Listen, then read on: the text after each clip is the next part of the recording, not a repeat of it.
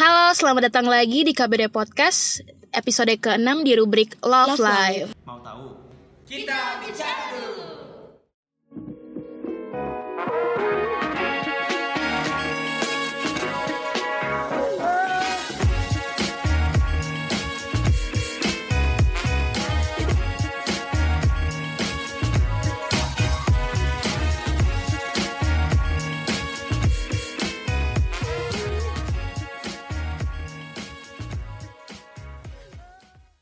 Saya Vira. Saya Nini. Jadi di episode kali ini kita akan membicarakan mengenai toxic relationship. Yes. Nah, langsung saja nih. Neni menurut Neni apa sih itu sebenarnya toxic relationship? Nah, toxic relationship ini sebenarnya istilah yang eh, sudah sangat umum dibahas oleh orang-orang. Mungkin ada yang pernah mengalami atau mungkin sudah ada yang pernah eh, tahu cerita dari teman-temannya yang pernah mengalami hal tersebut.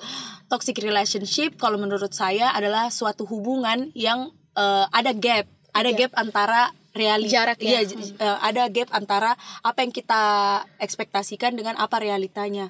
Oke. Jadi eh, mungkin eh, di dalam toxic relationship itu kedua keduanya mungkin eh, tahu bahwa ada hal yang mungkin eh, sudah tidak baik di dalam hubungannya, Iya. tapi keduanya mencoba untuk menormalisasikan bahwa hal tersebut itu eh, tidak apa-apa terjadi di dalam hubungan atau mungkin ada salah satu yang telah mengorbankan hal-hal yang sebenarnya sangat eh, sangat melekat dengan dirinya dan atau ada salah satunya yang sebenarnya sudah sangat tersakiti tapi mencoba untuk rationalize kalau hal itu sebenarnya tidak apa-apa di dalam Oke. hubungan. Ya, saya setuju ya sama uh, pendapatnya Neni mengenai toxic relationship yang adalah kondisi di mana kalian itu bukan lagi um, bukan lagi berada di dalam relationship yang menurut kalian uh, relationship yang wajar Mm-mm. atau uh, kondisi di mana relationship kalian itu sudah bukan lagi berada di tahap yang healthy tapi sudah ke tahap unhealthy. Heeh.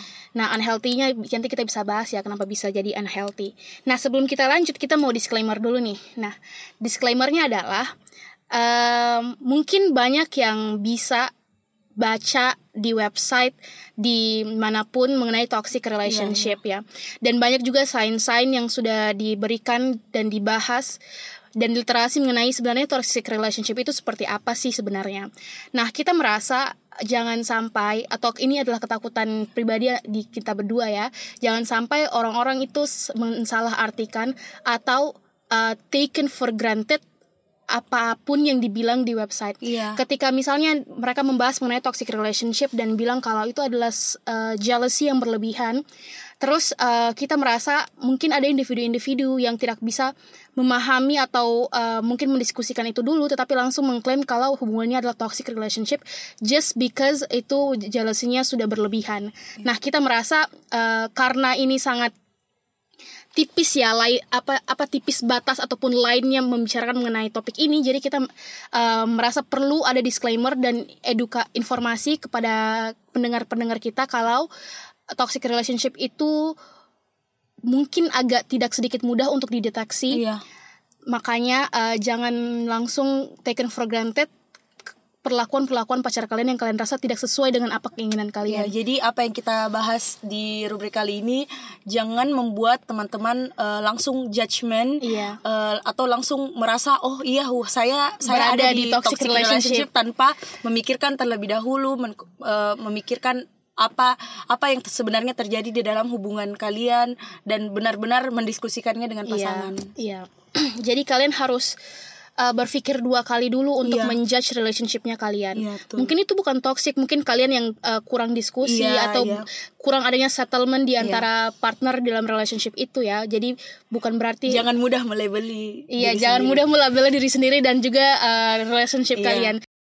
Selanjutnya kita akan membicarakan mengenai um, beberapa topik. Iya, topik selanjutnya itu mengenai kenapa sih bisa ada toxic Ah. relationship atau kenapa sih orang-orang itu bisa disebut sebagai disebut sebagai orang yang toxic dalam relationship itu Mm-mm. dan kenapa sih most of the times dan ketika orang berada di berada di suatu hubungan Heeh. mereka kadang-kadang itu sangat late sangat terlambat untuk, Untuk aware. aware dan Heeh. juga mengetahui kalau mereka itu sebenarnya ada di dalam suatu hubungan yang toxic. Iya.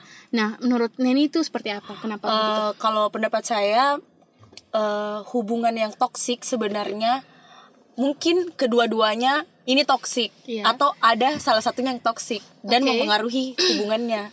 Namun eh, menurut saya di dalam hubungan itu penting untuk memahami bahwa kedua individu individu ini berbeda. Jadi kedua orang yang menjalin hubungan itu mempunyai akal-akal pemikiran yang kompleks, memiliki perasaan yang kompleks sehingga ketika mereka ha- akhirnya memutuskan untuk melebur satu sama lain, tentunya akan ada hal-hal yang mungkin tidak kita sukai atau mungkin kita tidak begitu eh, respect dan eh, itu terjadi dengan pasangan kita. Nah, hal-hal tersebut sebenarnya ketika pasangan gagal untuk memahami pasangannya dan mencoba untuk eh, menyalahkan atau menuntut pasangannya berlebihan seperti itu, itu membuat eh, biasanya toksik itu terjadi ketika keduanya ini tidak saling memahami satu sama lain atau ketika salah satu mencoba untuk memaksakan apa yang mereka Dia inginkan ke pasangannya. Oke, jadi itu ya yang membuat orang kenapa bisa jadi toxic. Iya. Nah, jadi eh, menurut saya pribadi, kenapa orang itu bisa jadi toxic itu karena dia eh, seseorang tersebut itu kurang bisa untuk memberikan compromises di dalam sebuah hubungan. Kompromisnya seperti Kompro, kompromi dalam kompromi itu Ah. dalam sebuah hubungan perlu.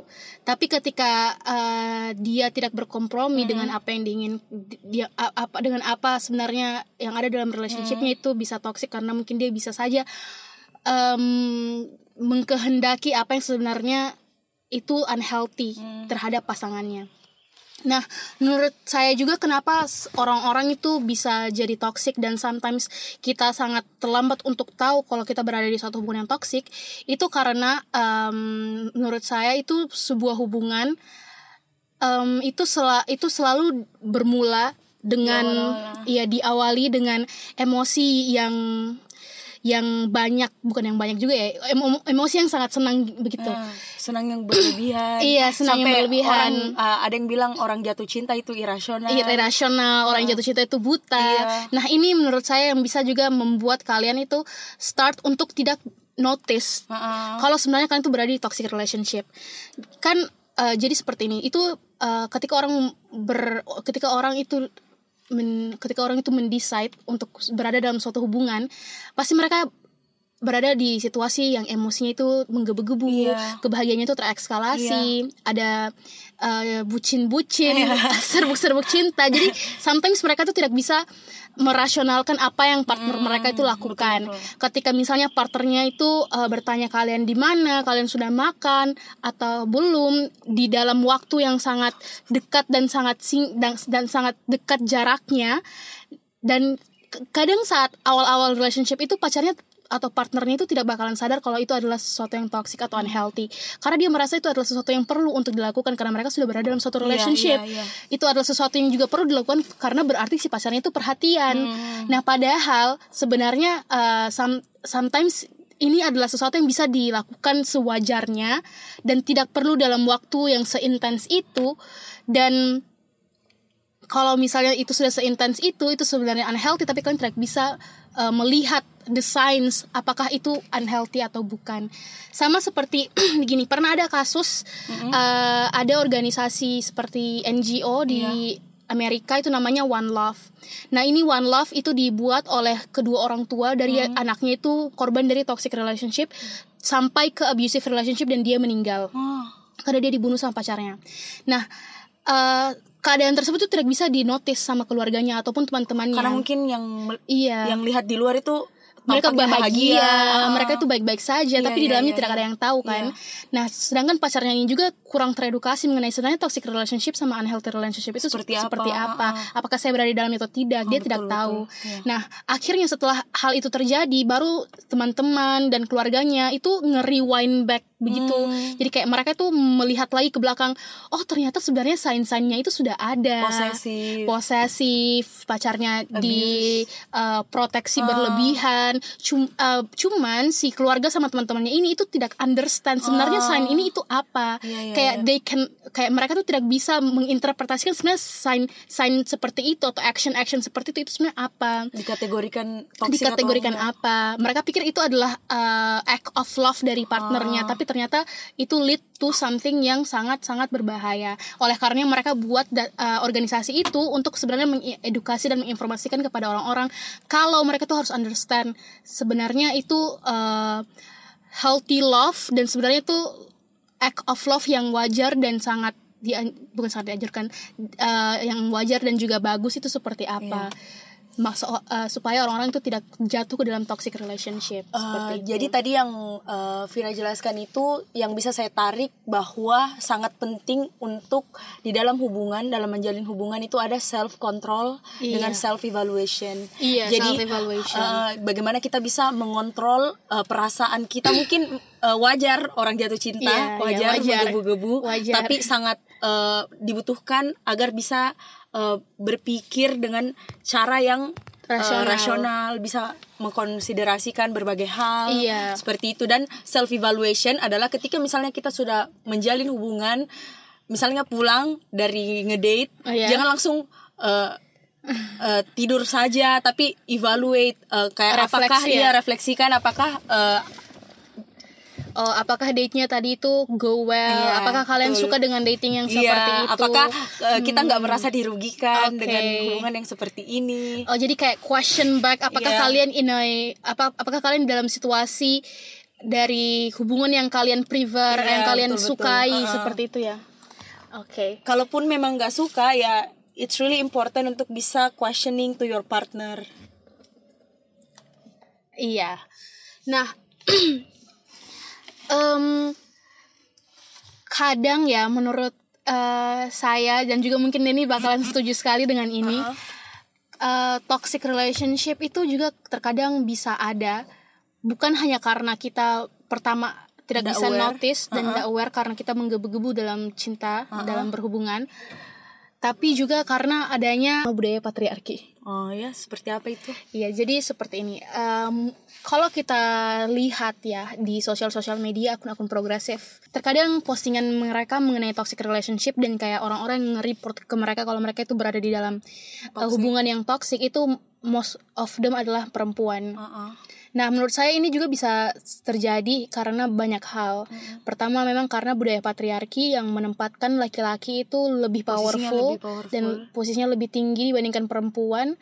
Dan juga yang kedua adalah karena kurangnya uh, exposure atau kurangnya akses-akses yang bisa didapatkan oleh perempuan ketika mereka itu sebenarnya mau reach out, get out from dan keluar dari relationship itu. Nah, menurut Neni seperti apa? Uh, ya, kalau menurut saya biasanya yang sangat sulit uh, untuk bisa bukan bukan saya membedakan, yeah. tapi uh, akses untuk perempuan dan laki-laki get out dari uh, toxic relationship uh, itu tidak bisa kita pungkiri akan berbeda. Mm -hmm. Apalagi perempuan yang mungkin sudah sangat uh, memprioritaskan hubungannya iya. atau Apalagi sudah mengaburkan pasangannya iya. uh, uh, sudah sangat banyak hal yang mereka lakukan untuk hubungannya dan uh, tiba-tiba mungkin ada masalah mereka berada di uh, lingkaran toxic relationship dan akhirnya mereka berpisah. Nah, hal ini justru sebenarnya biasanya merugikan perempuannya karena kalau mau uh, mempertanyakan terkait akses, akses laki-laki untuk bisa uh, get moving on itu bisa uh, lebih luas dibandingkan perempuan karena biasanya perempuan itu sangat banyak memanifestasikan waktunya untuk hal-hal yang uh, sangat-sangat bersifat uh, pribadi dan personal seperti itu. Iya. Iya ya, saya juga merasa kenapa aksesnya itu hmm, sangat kurang benar. atau terkadang perempuan itu sangat susah sekali bahkan untuk menceritakan mengenai yeah. relationshipnya ini karena memang ada um, power relation yang dimiliki dalam hubungan tersebut di mana laki-lakinya itu memiliki lebih banyak power untuk mengkontrol perempuannya. Power seperti apa itu? Power seperti seperti ini.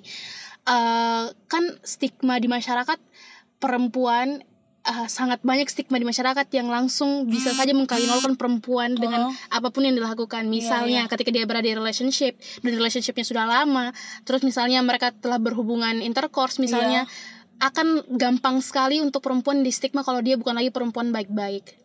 Nah, dan ini digunakan, dimanipulate oleh si laki-lakinya dengan cara memanipulasi itu dan bilang kalau misalnya perempuan tidak bisa kelu- uh, si perempuan tidak bisa keluar dari relationship itu Iya. karena dia sudah uh, melakukan hal tersebut dan ketika dia keluar misalnya si laki-lakinya akan uh, Menceritakan menceritakan ke itu ke orang lain iya. atau misalnya si laki-lakinya bilang tidak apakah ada lagi laki-laki yang mau Yang sama mau kau. kau, ya. Iya, seperti itu. Jadi menurut saya memang akses yang dimiliki sangat perempuan ataupun kayak ataupun situasi-situasi yang friendly untuk mereka bisa menceritakan itu Iya, sangat sedikit. Iya, iya, betul, betul. Nah, ini uh, berlanjut lagi uh, kepada arah di mana uh, kepada uh, di mana si perempuan ini itu bisa saja mengalami Stockholm syndrome.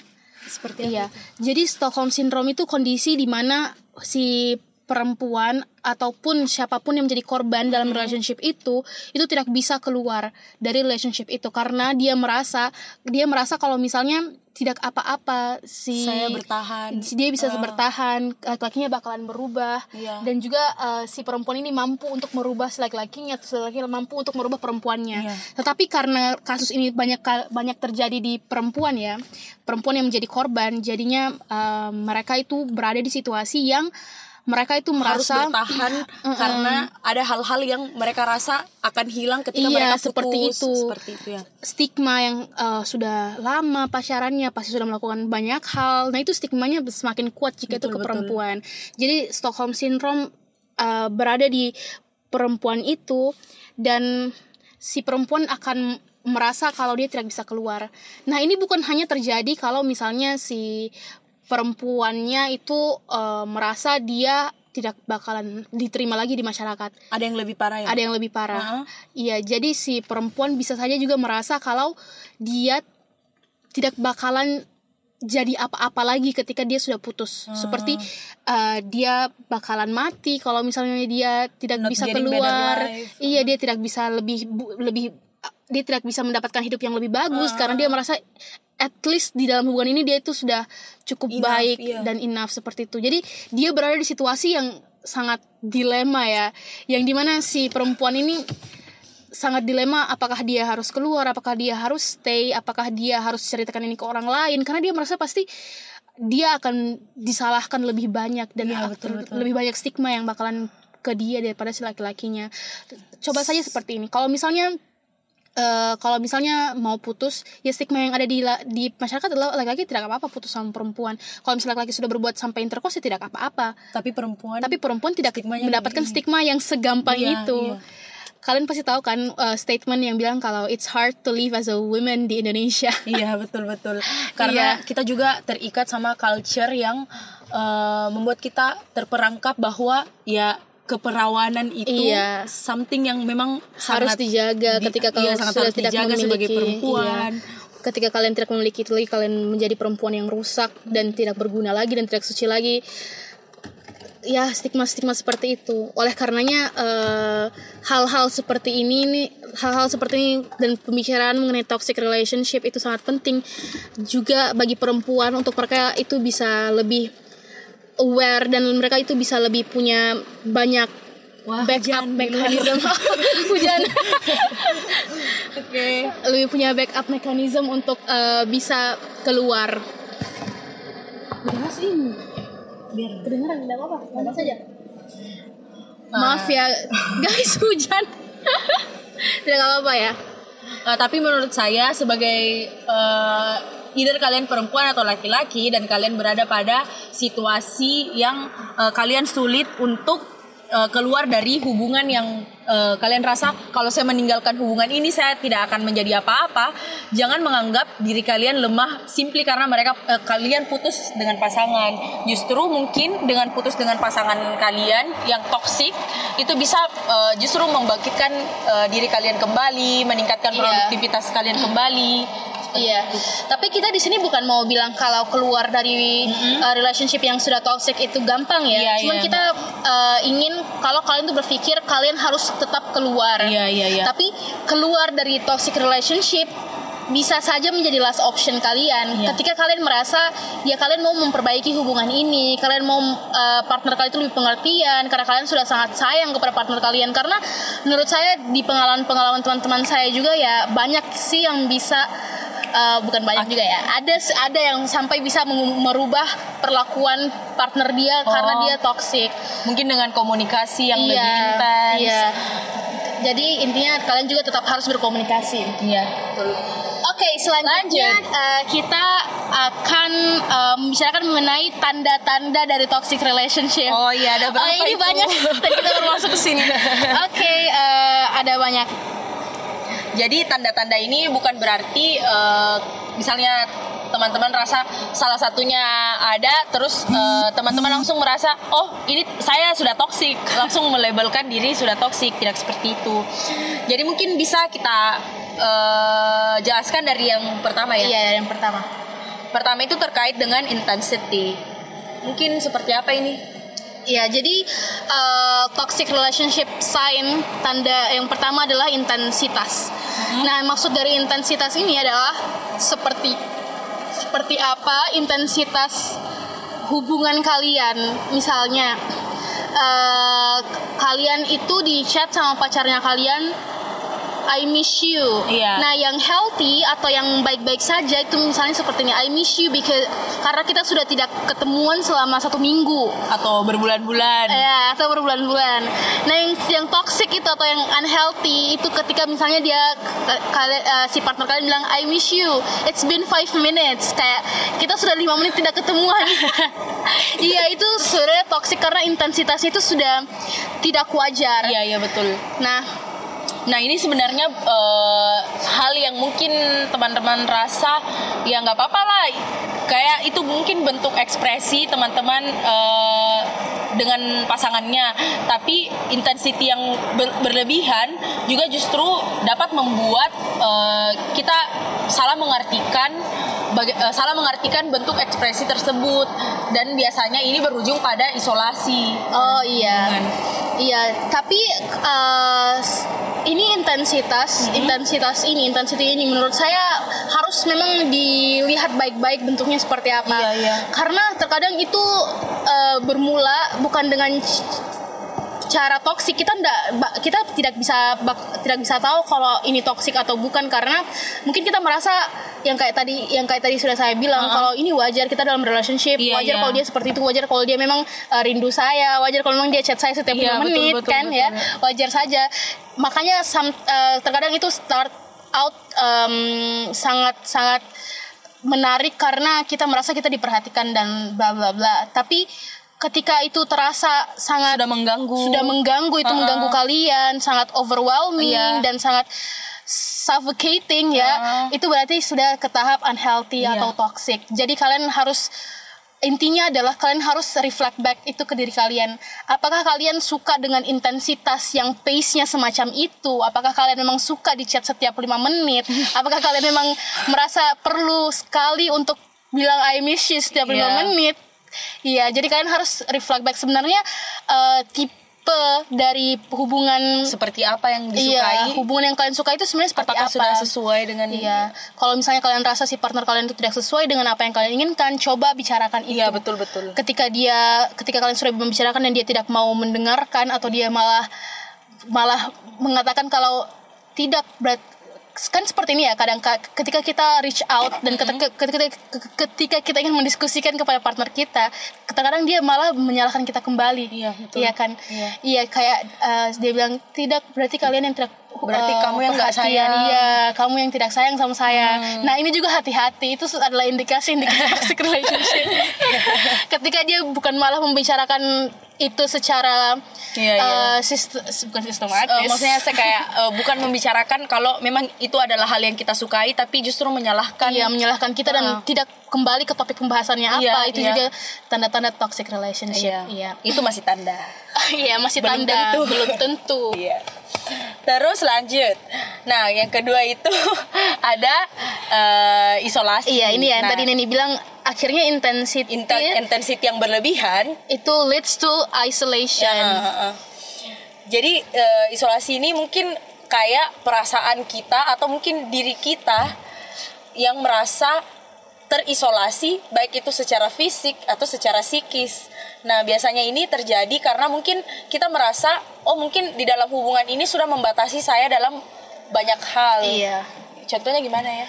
Iya, eh, contohnya ya seperti misalnya dia uh, uh, mengisolasikan kalian Heeh. uh, supaya kalian tidak berteman lagi sama temannya kalian dan uh, waktu kalian tuh 24 hours itu buat pacar kalian. Oh iya ada ya Bisa yang seperti itu, ada. Iya. Nah, tapi menurut saya kembali lagi tanda-tanda dari toxic relationship yang sudah kita bilang tadi itu terkadang uh, kata-katanya ya understood and misunderstood. Seperti apa? Iya, itu? jadi kayak kalian kadang an- uh, uh, kadang kalian mengerti kalau misalnya ini hal yang wajar Mm-mm. sampai kalian itu misunderstood kalau ini adalah sesuatu yang harus dilakukan seperti itu. Kalian merasa kalau memang ini sesuatu yang harus. Oh iya iya. iya. Iya kan? Seperti misalnya eh, kalian memang eh, wajar kalau kalian dilarang berteman bukan bertem- eh, berteman sama teman kalian karena pacar kalian mungkin meng- mengutarakan kekhawatiran-kekhawatiran dia. Misalnya Iya, dia betul. mengatakan kalau pacar kalian itu seperti eh teman kalian itu seperti seperti seperti Iya, ini iya, iya. kan. Jadi kalian kayak eh, understand kalau itu suatu, suatu proteksi, tapi kalian misunderstood apakah itu harus seperti itu atau Iya, bukan iya, gitu. iya, iya. Atau Iya. terkadang eh, misalnya pasangannya justru melarang dia ikut eh, yang misalnya kayak pasangannya suka eh, ikut kegiatan-kegiatan terus Iya. eh, pasangannya ini ngelarang katanya nggak usah ikut-ikut seperti itu karena karena sibuk tidak ada Iya, waktu buat betul, dia. betul, betul. Padahal sebenarnya kalian ikut kegiatan tersebut untuk self improvement ya, Iya, iya, betul. untuk self actualization juga.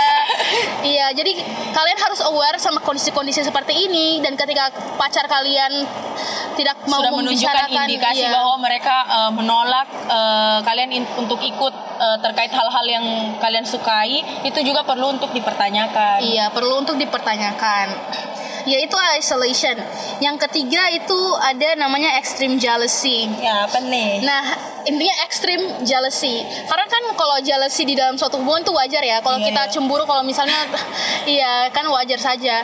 Jealousy itu wajar, tapi ketika itu jadi ekstrim itu jadi tidak wajar. Nah, ekstrim di sini yang dimaksud adalah ketika misalnya eh, pacar kalian atau partner kalian itu sampai eh, ke tahap posesif dan juga ke tahap dia tidak percaya sama kalian. Kayak melarang-melarang Iya, berlebihan. melarang yang berlebihan yang tidak mungkin kalau saya bisa sense. mengatakan yang tidak make sense, yang tidak rasional, tidak ada reasonings di di belakang uh, alasan-alasan dia kenapa dia Iya, membatasi iya, iya, kita. betul, betul. Misalnya kayak dia mistrust. Heeh. Kita mau pergi ke tempat ini, kita sudah uh, kita Bilang, bilang, kalau misalnya kita bisa ke tempat itu, kita Iya. mampu sendiri misalnya Iya. atau kayak sama teman-teman misalnya. Terus dia tidak percaya. Iya. Either uh, up- uh, either dia tidak percaya kalian sama teman-teman atau dia tidak percaya kalian untuk pergi sendiri, itu berarti sudah ada sign of dia um, mistrust. Apalagi sampai stalking. Iya. stalking. Iya. Iya, bisa saja. Atau Tapi mungkin stalking- ya atau mungkin dia merasa eh, misalnya ada yang mau jalan sama keluarganya, Iya. tapi kalian udah janjian sama pasangannya Iya. dan eh, akhirnya batal karena ada kumpul keluarga dan Iya. pasangannya marah karena eh, merasa kok lebih Dibatalkan. iya kok lebih lebih mempriori- memilih iya, keluarga. ke- keluarganya daripada pasangannya nah ini Nah, juga itu kan tidak reasonable. Dan banyak terjadi seperti Iya, itu, banyak. ya. Oke, selanjutnya selanjutnya dari extreme jealousy Mm-mm. itu juga yang keempat ada ada namanya belittling. Hmm, apa nih? Nah, belittling ini apa ya artinya? kayak mungkin eh, bentuk toksiknya itu berada dalam kata-kata yang dikeluarkan oleh Iya. pasangan. Iya, uh, Either bentuk itu ofensif, Iya, bentuk dari belittling ini adalah ketika uh, partner kalian itu menggunakan kata-kata Iya. sebagai senjata Uh-uh. kepada diri kalian. Nah, bentuknya itu bisa seperti dia uh, membuat kalian itu Malu. malu. entah di depan publik atau untuk kalian malu kepada diri kalian Iya, iya, sendiri betul, dan menggunakan kata-kata yang atau membuat jahat. eh, kalian merasa insecure karena eh, misalnya pasangannya komentari, kok lipstiknya sekarang warna warna merah Iya. Terus dia kayak ibu-ibu. kayak ibu-ibu. Iya. Terus ternyata kalian itu merasa terofen Iya, dengan iya. kata-kata itu. Nah, Betul, betul. itu bisa dijadikan sindikasi, Iya. eh, indikasi kalau itu be- belittling. Kecuali Atau- kalau eh, kalian merasa ya it's okay kalau pasangannya komentari karena mungkin itu adalah suatu hal yang mungkin teman-teman butuhkan dalam dalam hubungannya tapi terkadang eh, kalau ada rasa malu ada Iya. rasa apa ya insecure dan merasa Iya. rendah Akhirnya kalau Iya. inti, inti dari belittling ini adalah ketika partner kalian itu membuat kalian merasa rendah, membuat Uh-uh. kalian itu merasa Inferior. malu, inferior sama diri kalian sendiri dan insecure. Itu sudah tanda-tanda kalau Uh-uh. misalnya itu bisa saja Bisa jadi toxic. toxic Iya, relationship. Iya. Nah, Pak, nah lebih parah lagi ya kalau misalnya eh, k- eh, cara si partner ini membuat kalian itu merasa insecure dan Uh-huh. merasa kalian itu tidak worth upon yourself itu sampai dia memberikan rasa yang terkesan seperti ini. Oh iya benar juga masih untung ada orang yang mau pacaran sama Oh. saya. oh iya Iya kan Iya, ya? iya, iya, iya. Seperti kayak seolah-olah itu adalah bentuk support Iya. tapi sebenarnya itu memanipulasi Iya, iya itu juga manipulasi ya. Hmm. Seperti misalnya eh Iya, masih untung nggak ada orang yang mau pacaran sama Iya kan, saya- ini, iya. ini ini mungkin eh, bukan berarti si partnernya bilang langsung, bisa saja juga dia bilang langsung. Tapi implikasi dari statement-statement dia sebelumnya yang membuat kalian merasa insecure dan lain-lain itu itu bisa mem- itu eh, sangat toksik jika itu bisa membuat kalian merasa oh iya masih untung ada orang yang pacaran sama saya. Oh iya saya harus tetap bersama sama ini oh, sama orang ini karena dia itu sudah sangat baik mau Iya, pacaran iya, sama betul, saya. betul, betul. saya tidak akan mendapatkan orang-orang seperti dia lagi yang mau sama saya yang yang nah unworthy itu, itu, itu ini. bisa jadi Nah, ini- indikasi juga. juga merupakan indikasi dari toxic relationship. Betul. Iya. ada juga yang mungkin eh, membuat itu eh, terkesan sekedar bercanda. Iya tapi mungkin di depan umum. Iya. Tapi kan kita tidak ada tidak ada yang tahu semua eh, pesan yang disampaikan ke kita itu kita artikan seperti apa. Namun eh, di dalam hubungan sangat sangat penting untuk bisa respect satu sama lain. Iya, benar bisa sekali. menghargai eh, mungkin eh, tidak ada pasangan yang sempurna tapi kita bisa menghargai kelebihan ataupun kekurangannya. Iya. Mungkin ketika ada sesuatu yang kalian tidak sukai ke pacar kalian ya, kalian harus bicarakan itu. Hmm. Iya. Walaupun itu termasuk fisik ya. Kalau kalian tidak suka dengan fisik tertentu dari pacar kalian, bukan berarti dia mau body shaming kalian ketika dia membicarakan itu sama kalian. Hmm. Mungkin sih dia memang memiliki pre- preferensinya sendiri atau mungkin ada alasan yang make sense atau logik di balik, di balik itu ya. Misalnya mungkin karena tidak sehat, Iya, iya, uh, betul. dan kamu harus rajin olahraga, Ah. harus rajin minum air putih misalnya ya kalau ter- um, berhubungan dengan fisik, Eh, iya kecuali itu adalah bentuk perhatian iya. Kal tetapi kalau misalnya dia hanya stop sampai ke kamu Iya. itu misalnya ya kamu itu jelek masih untung ada yang pacaran sama kamu nah itu kan nanti buat kalian jadi insecure dan inferior tanpa ada solusi Ada yang bisa yang- iya. iya ada solusi ataupun support dari si partner kalian sendiri nah itu sangat-sangat harus kalian hindari nah yang terakhir adalah volatility nah volatility ini yang paling buruk ya karena itu sudah termasuk abusive yang to the extent ada physical, Physical harm, harm. mental harm Iya. dan lain-lain Mungkin juga teman-teman sudah ada yang nonton filmnya posesif. Iya, nah, di situ si Adi Patilkan iya, ya, iya. Di situ menceritakan bagaimana dinamika pasangan yang sebenarnya saling menyayangi, saling Oh, mencintai iya, dan iya. saling support satu sama lain. Tapi akhirnya karena eh, supportnya yang berlebihan, mungkin Iya. rasa sayangnya juga telah sudah eh, menggebu-gebu dan akhirnya eh, si yang cowok di film itu si Adipati akhirnya berusaha untuk melindungi uh, pasangannya namun dengan cara yang mungkin uh, sangat tidak masuk akal Mengisolasi Iya, dan- mengisolasi harm mentally Iya. dan physically si Iya, ceweknya ini kan ya. Si uh-uh. Adipati dia sampai mukul kan ya di dalam, Mukul lah, iya, dalam mukul. mobil kalau nggak salah. Iya. Iya. Nah mukul itu dan juga mukul temannya pacarnya. Ya, jadi kayak uh, itu sangat berdampak bukan hanya ke kitanya tapi orang-orang uh, di sekitar kita, juga, iya. Intinya volatility ini adalah uh, toxic relationship yang paling parah. Iya. Dan ketika kalian sudah sampai ke sini seek help Iya betul Psychology. harus uh, uh, uh, speak out Speak- at least cerita untuk uh, dengan teman-teman dekatnya atau dengan keluarganya Iya. Kalau kalian takut dijudge sama teman-teman kalian karena Iya. kalian merasa mungkin kalian hanya bakalan di victim blaming Iya, ya, betul. ya pergi ke psikologi. Iya, karena betul, betul. kan di psikologi itu confidential kan ya. Psikolog ya, maaf. confidential ya itu psikolog dan, dan kalian tidak bakal, tidak bakalan dijudge oleh psikolog Iya, betul. Iya. Oke, Oke. itulah tadi Nah, sekarang kita akan menjawab beberapa eh, pertanyaan, pertanyaan yang telah ditanyakan oleh teman-teman kita di Instagram dan di lain-lain. Oke. Pertanyaan pertama itu tadi sudah kejawab ya sepertinya eh, kenapa orang bisa jadi toxic, Toxic Iya. ya. Apa yang menyebabkan Dia itu juga toxic. sangat eh, dilatar belakangi oleh personal experience. Nah, kalau di kembali lagi kalau di posesif Iya. itu diceritakan kalau sebenarnya eh, si adipati eh, orang tuanya itu abusive. Oh, Dia, iya, mereka iya. juga melakukan physical harm dengan si adipati. Jadi mungkin eh, ini juga bisa eh, jadi pelajaran untuk kita. Sangat penting untuk mengenal bagaimana eh, personal experience dari pasangan dan setelah kita bisa mengenalnya, itu kita bisa eh, lebih eh, mudah memahami pasangan dibandingkan kita eh, menuduh atau Ah, kita iya. langsung eh, menjudge pasangan kita seperti itu. Iya.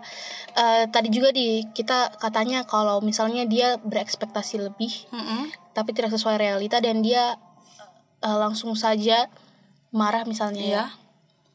Oh ya, itu itu bisa eh, sangat eh, didasarkan oleh bagaimana si orangnya ini mendapat eh, pesan atau bagaimana dia mempersepsikan Iya. apa yang mereka dapatkan dari pasangannya. Iya. Eh, selanjutnya itu pertanyaannya mengenai Oh, ada kasusnya ya? ada kasusnya ya. Jadi si dia si dia. Jadi dia bertanya, dia Si A bilang bertanya. eh, dia bilangnya gini, I had a toxic relationship di mana peremp- si ceweknya itu eh, kontrol dia. Mm-mm. Terus dia eh, selalu dianggap oleh si ceweknya kalau dia itu tidak cukup. Mm-mm. Yang di mana si dianya ini itu si laki-lakinya ini itu sangat cuek. Tapi sebenarnya alasan laki-lakinya itu cuek, dia itu hanya mau avoiding problems, dia tidak mau ada masalah terjadi. Eh, contohnya nih ya, dia cuek seperti si cowoknya ini terserah mau ngapain si Ceweknya terserah ceweknya, dia di mana, sama siapa itu terserah. Tapi si ceweknya malah anggap kalau si cowoknya ini tidak peduli terhadap si cowoknya. Oke, bagaimana nih? Eh, kalau menurut saya eh, sangat eh, penting untuk mengetahui terlebih dahulu untuk atau sekedar eh, mengkomunikasikan sebenarnya eh, apa yang diinginkan dari pasangannya atau apa yang diinginkan dari si A yang tadi yang bertanya. Apakah memang eh, bisa sudah bisa saling memahami eh, terkait dengan rasa bentuk perhatian yang eh, seyogianya itu seperti apa? Eh, apakah si pasangannya ini sudah benar-benar eh, menuntut perhatian yang make sense Iya, atau yang reasonable iya, ya yang reasonable atau justru perhatiannya juga eh, tidak ini apa ya tidak masuk akal. Jadi ya sangat Iya. penting untuk diketahui terlebih dahulu Iya, karena menurut saya ya dalam suatu hubungan komunikasi itu penting ya. Iya, betul. Kalau misalnya eh, ujung-ujungnya kalian itu dirasa kalau kalian itu tidak peduli Iya. karena kalian less komunikatif ke dia, tidak bertanya dia di mana sama siapa.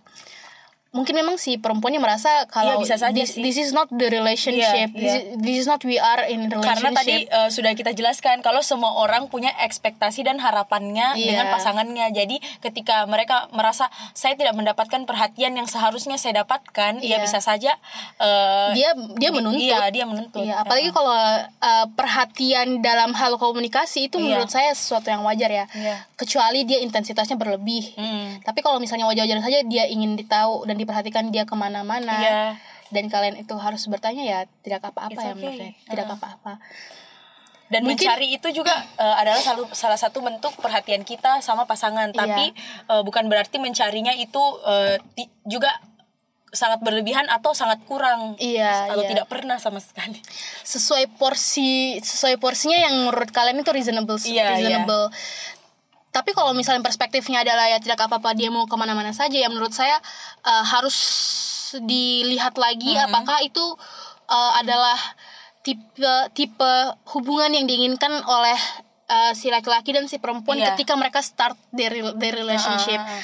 Apakah memang si laki-lakinya ini tidak peduli dan tidak ingin hal-hal se- seperti itu atau seperti apa? Karena ya kalau misalnya kan hubungan itu perlu kompromisis ya mungkin sesuatu yang kalian tidak suka tapi kalian harus tetap lakukan dalam relationship for the sake of menjaga relationshipnya itu tetap berjalan ya Uh-uh. menurut saya tetap harus dilakukan Iya, iya. asalkan ada discussion ada diskusi ada settlement dan juga ada uh, compromises antara kedua belah pihak dan compromisesnya itu eh, tidak sampai menghilangkan eh, Iya. yourself, your Iya. identity di dalam relationship Iya, itu. betul. Kau tetap harus tahu kalian itu maunya apa Iya, dan iya. seperti apa. Uh, uh, uh. Partner kalian juga harus komunikasikan itu kalian maunya apa dan seperti apa. Ya, betul. Nah, saat itulah kalian berkompromi. Oh, kalau kau kalau si ceweknya mau diperhatikan, ya I will perhatikan kau sebagai cowok.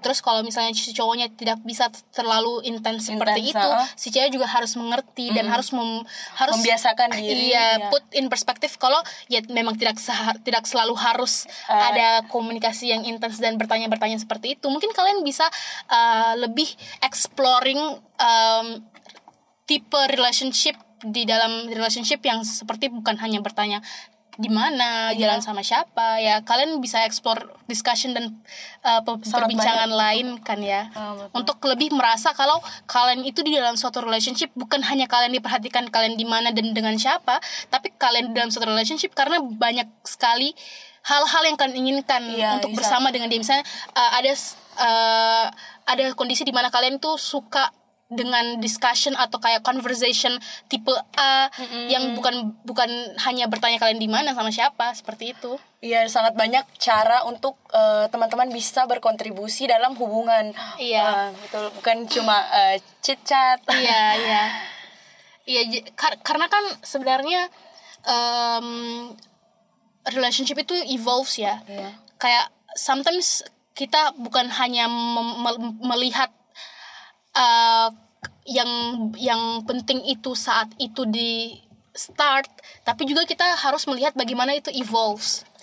Nah ketika kalian itu tidak bisa menjaga apa ya ke evolven kok jadi gitu ya bahasanya? Intinya ketika kalian itu tidak bisa evolve uh, relationshipnya kalian uh, dan buat kalian tuh jadi better person di dalam relationshipnya kalian ya berarti kalian tuh harus self evaluation Iya, dan betul. juga relationship evaluation. Seperti apa sih sebenarnya diri kalian dalam suatu relationship?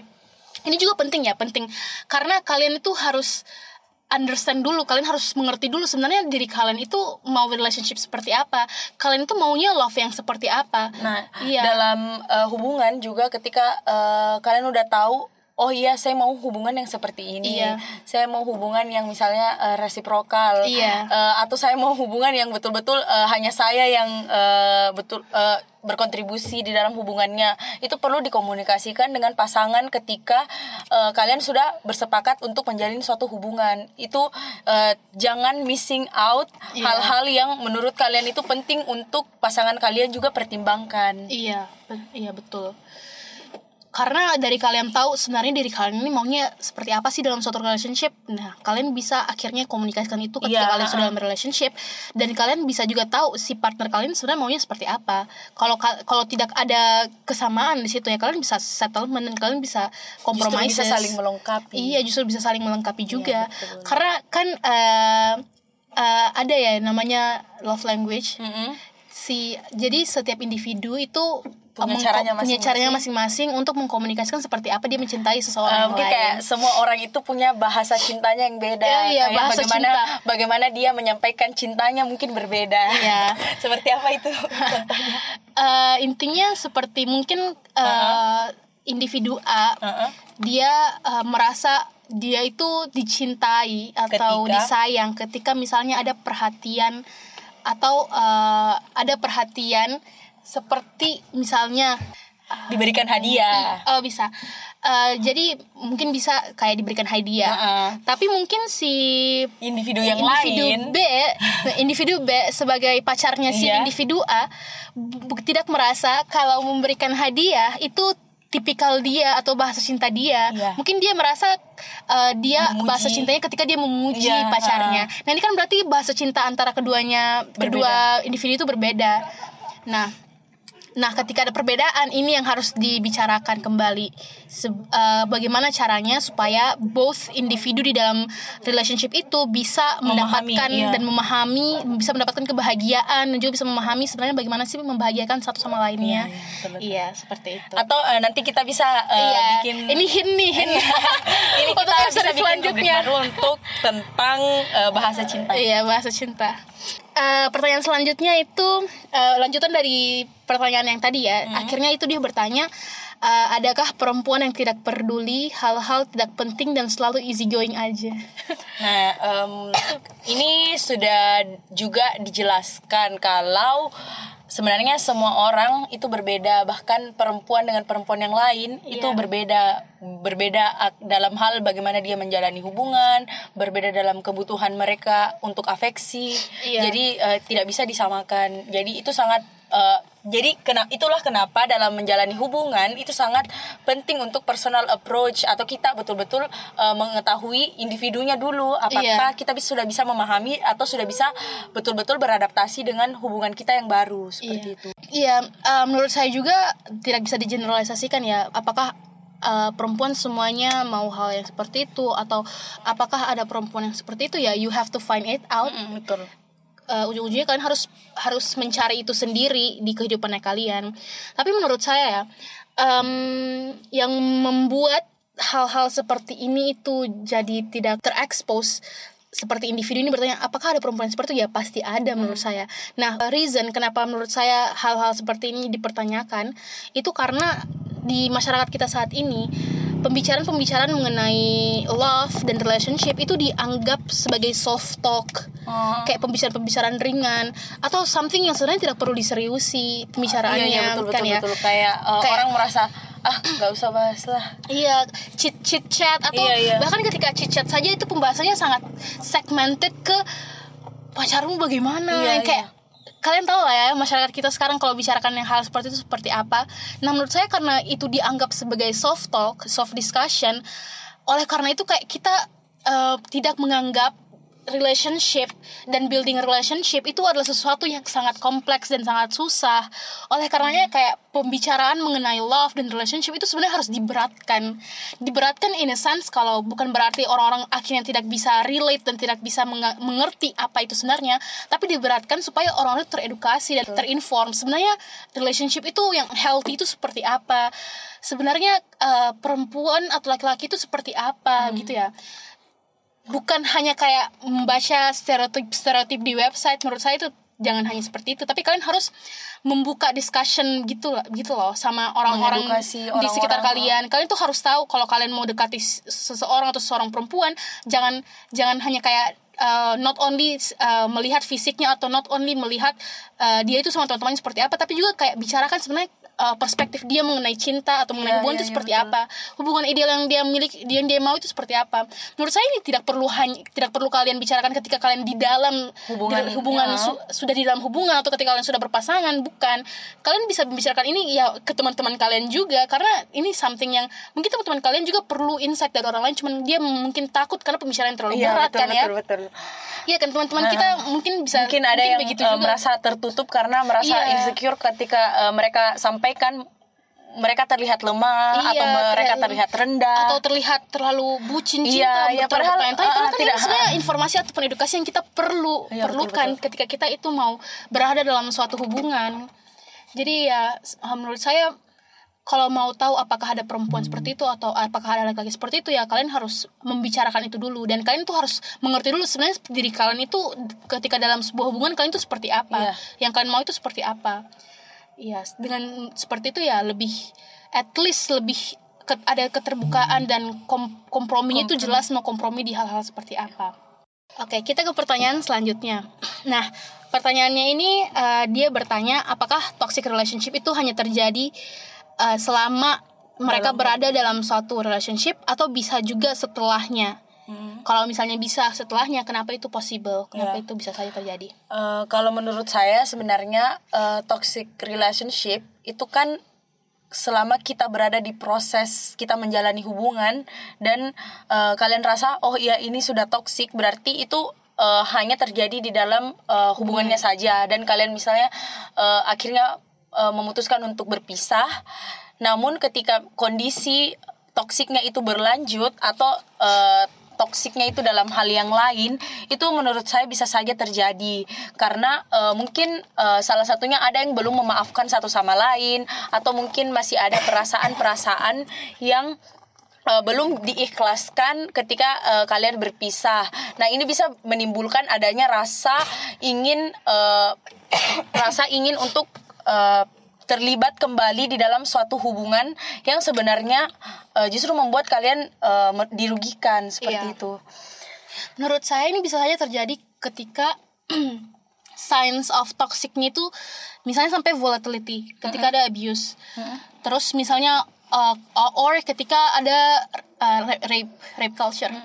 Ketika misalnya dalam dalam hubungan itu misalnya kalian sudah do intercourse dan ternyata intercourse kalian itu direkam atau Iya, iya. didokumentasikan. Sama Iya, terus ketika kalian putus ternyata Dan ada dipost. revenge porn. Iya.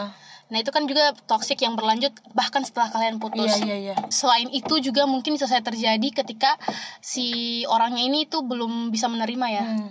Belum menerima Belum untuk menerima bisa untuk- berpisah. ber- untuk bisa berpisah. Akhirnya uh, bukan dia do revenge porn atau dia ngapa-ngapain, cuman mungkin dia bisa saja Uh, menceritai bersifat mengganggu ke Iya. mantannya. ke mantannya. Uh, Uh, misalnya dia cerita jelek hal-hal yang buruk. uh. Iya cerita jelek ter- uh, tentang pacarnya, gibah sama uh, teman-temannya. Uh-uh. Menurut saya mungkin itu karena uh, satu tadi si dia tidak bisa merelakan dan juga si dia Belum ini memaafkan. belum memaafkan dan didukung juga dengan Lingkungannya. yang menurut mungkin juga toxic. Iya, iya betul. Seperti kayak teman-temannya alih-alih membantu dia untuk bisa move on, Uh-uh. tapi masih Sebenarnya- membuat si dia ini tuh uh, memperjuangkan mantannya lagi. Hmm. Padahal Iya, kan? sebenarnya eh, si doi ini udah udah tahu kalau eh, dia sudah tidak mau kembali Iya. atau mungkin ada rasa-rasa ingin kembali dan itu disupport lagi sama Iya, temannya uh, seperti itu.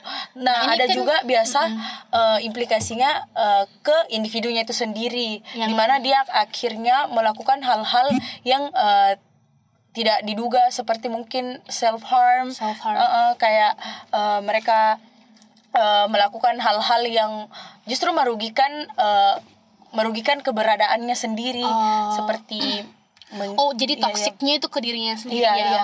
Oh iya, mungkin kalau bu- bukan self harm, self harm juga seperti ada yang uh, minum-minum. Kan ya itu kan juga merugikan diri Hmm. Iya. sendiri. Atau uh, mungkin kalau misalnya uh, parah sekali ya relationshipnya mungkin walaupun mereka sudah putus, mereka masih diancam. oh sama pas mantannya Iya, untuk mereka kembali lagi Iya, kepada relationshipnya um, mau itu misalnya lewat revenge porn, mau itu lewat self harm dari si orang yang toxic di Iya, dalam iya. hubungan Iya, itu. betul, betul, betul. Jadi kan dia memanipulasi lagi kan ya kayak karena kau karena si misalnya si cewek tinggalkan saya, saya akhirnya self harm, si cewek merasa Dan, bersalah, iya, si cewek kembali betul. lagi. Nah, that kind of manipulation yang terjadi juga dan itu kan ya. ter, terputar lagi begitu lagi cycle-nya terulang terulang Iya. terulang terulang lagi ya iya iya jadi eh, kesimpulannya adalah toxic em, toxic behavior toxic behavior masih ada. um, toxic toxic environment masih ada juga. Dan itu adalah sesuatu yang mungkin sulit untuk kita hindari saat ini karena memang eh, dengan keadaan kompleksitas kita sebagai manusia yang ser- sering dan ingin selalu memiliki pasangan mungkin eh, iya sulit terhindar dengan hal-hal yang seperti ini. Jadi mungkin kita bisa lebih aware dan bisa lebih siaga terhadap eh, Iya. tanda-tanda yang sudah tadi eh, kita jelaskan. iya. oke pertanyaan kedua oh ini kayaknya sudah terjawab juga ya kenapa orang-orang itu eh, melihat mantan mereka dan hubungan hubungan their past relationship itu setelah oh past relationship itu jadi toxic setelah mereka itu putus. Eh, itu mungkin karena itu tadi yang di awal kalau mungkin proses dia sadar dia aware itu terlambat atau mungkin ada eh, pengalaman-pengalaman yang justru membuat eh, kalian mendapatkan insight oh ternyata saya sudah menjalankan hubungan yang toksik iya. Jadi itu menjadi pembelajaran oh mungkin ke depannya saya eh, perlu kayak mengevaluasi hubungan-hubungan yang uh, sebenarnya merugikan untuk kedua belah pihak. Iya.